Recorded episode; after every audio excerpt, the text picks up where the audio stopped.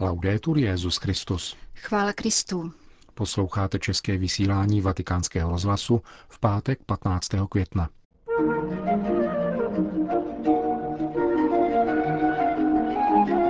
O strachu a radosti kázal dnes ráno Petrův nástupce v kapli domu svaté Marty. Rumunský prezident se dnes setkal s papežem Františkem. Buď válka, anebo dialog, zhrnuje kardinál Torán perspektivy vztahů s islámským světem, nad nimiž se ve Švýcarsku zamýšlela Rada evropských biskupských konferencí. To a mnohé další uslyšíte v našem dnešním pořadu, kterým provázejí Milan Glázer a Jana Gruberová.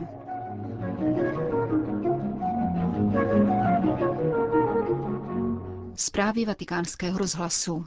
Komunity, které jsou ustrašené a bez radosti, stonají a nejsou už křesťanské, poznamenal papež František v homílii při raním v kapli domu svaté Marty. Strach a radost. Tato dvě duševní rozpoložení se objevují v dnešní liturgii slova. Strach, řekl papež, je postoj, který nám škodí. Oslabuje nás, způsobuje zakrnělost a paralyzuje. Člověk, který má strach, nedělá nic, neví, co dělat. Je koncentrován na sebe, aby se mu nestalo něco zlého. Strach přivádí k egoistickému egocentrismu a paralyzuje. Ustrašený křesťan je člověkem, který nechápe Ježíšovo poselství. Proto říká Ježíš Pavlovi, neboj se, jen mluv a nemlč. Strach není křesťanský postoj. Můžeme říci, že je postojem uvězněné, nesvobodné duše, nemající svobodu hledět dopředu, tvořit něco, konat dobro.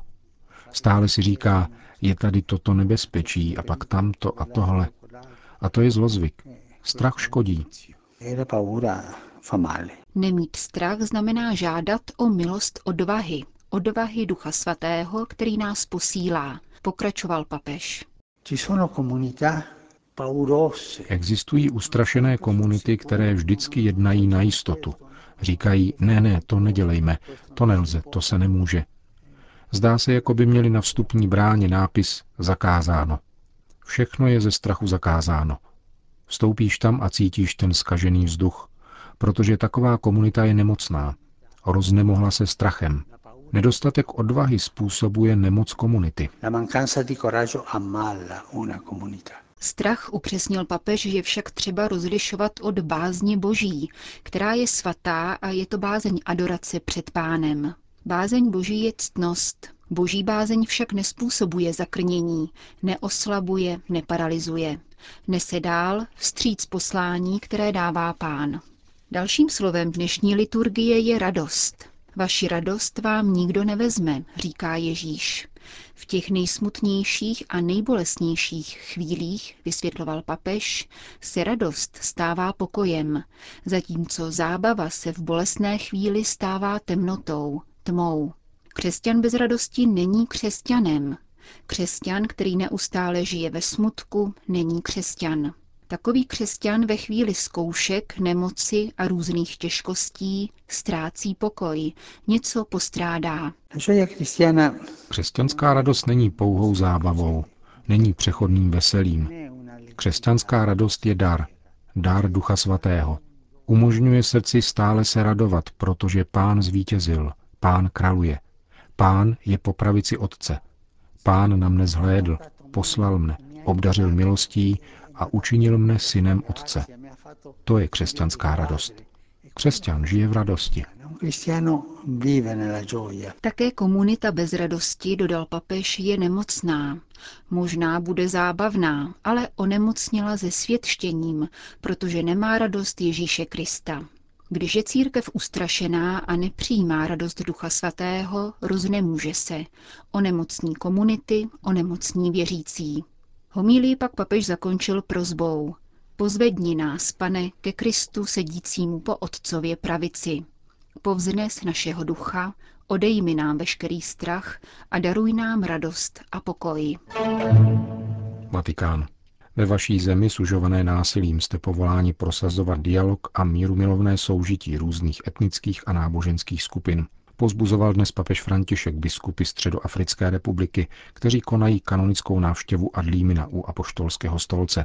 V této rozlohou téměř osmkrát větší zemi než Česká republika žije necelých pět milionů obyvatel, z nichž polovina jsou křesťané. Katolíci tvoří přibližně čtvrtinu obyvatel, muslimů je 15 Zbytek, asi 35% jsou animisté. Během dnešního setkání s deseti biskupy Středoafrické republiky Petrův nástupce jako obvykle upřednostnil osobní rozmluvu a své poselství jim předal v písemné podobě. Zdůrazňuje v něm význam kněžského celibátu, lidskou formaci seminaristů a potřebu bránit rodiny před chudobou, rozvody a ideologickou kolonizací. Papež biskupům poděkoval za jejich odvážné svědectví a blízkost všem, kdo trpí tamnějším konfliktem. Právě tehdy, když se rozpoutá nenávist a násilí, upozorňuje papež, jsou křesťané povoláni odpovídat odpuštěním a láskou.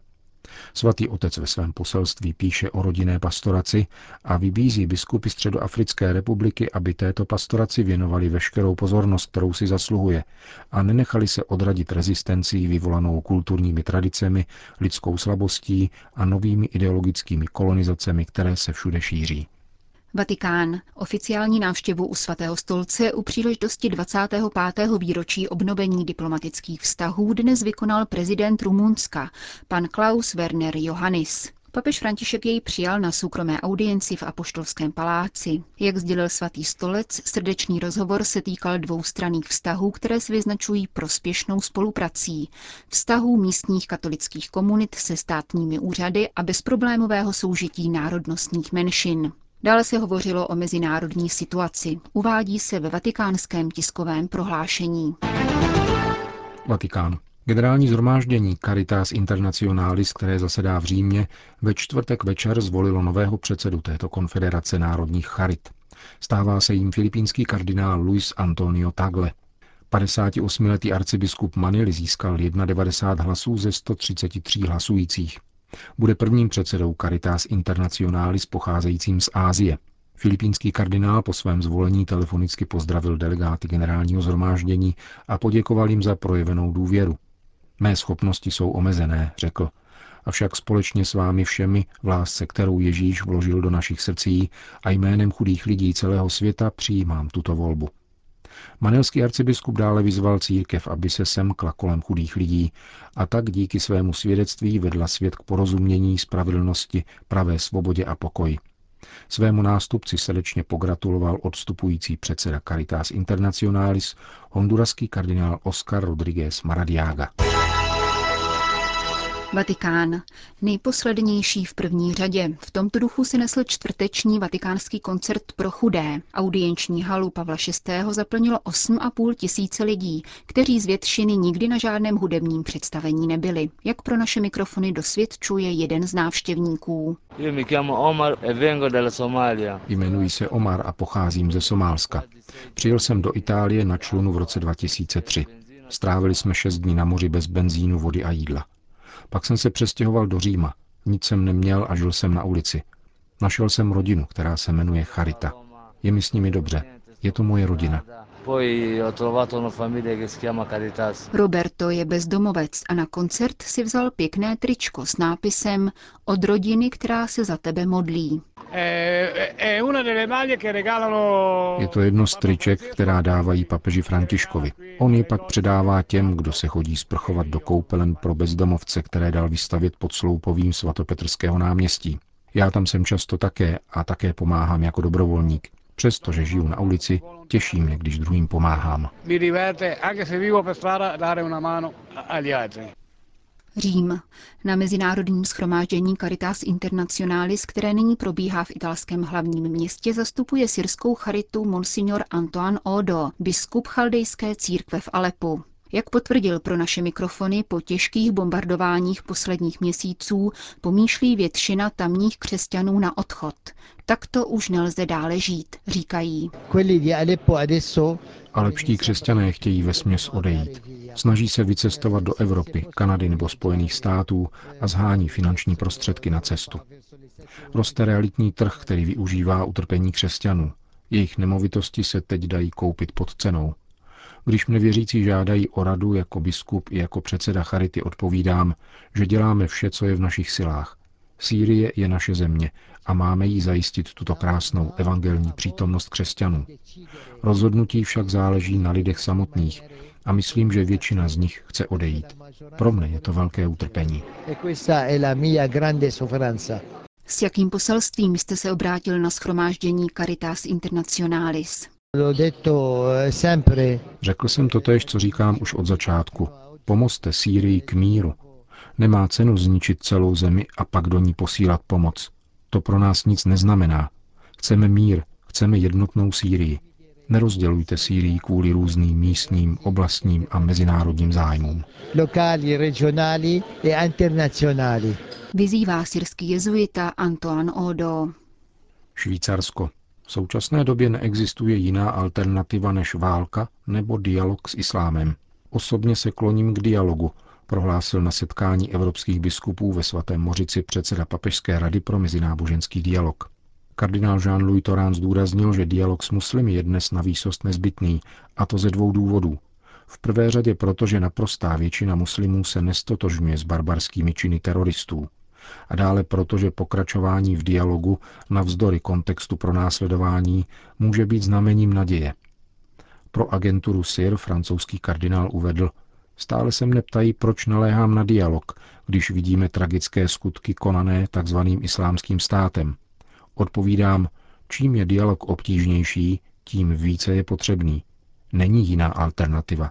Buď válka, anebo dialog. Podle kardinála Torána si islamistický fundamentalismus razí cestu Evropou, poněvadž splňuje požadavky mladých lidí na radikálnost víry. Myslím, že mladí muslimové jsou velice hrdí na své náboženství, zatímco my, křesťané, musíme do svých životů navrátit hluboký smysl pro víru, Pokračuje v rozhovoru pro katolickou agenturu. Mezináboženský dialog je příležitostí k prohloubení vlastní víry. Nelze jej pouze nějak dvojznačně načrtnout. V tomto smyslu pomáhá proti synkretismu. Z tohoto důvodu je neodkladně nutné učit obsahům víry, podotýká předseda Vatikánského úřadu, jak na to upozornilo významné magisterium Benedikta XVI. Víra není emoce a Ježíš není mýtus.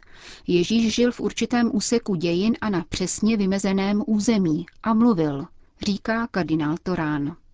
Také islám musí čelit stávající radikalizaci procesem modernizace, o jehož nezbytnosti jsou přesvědčeni mnozí mladí evropští imámové, vysvětluje dále.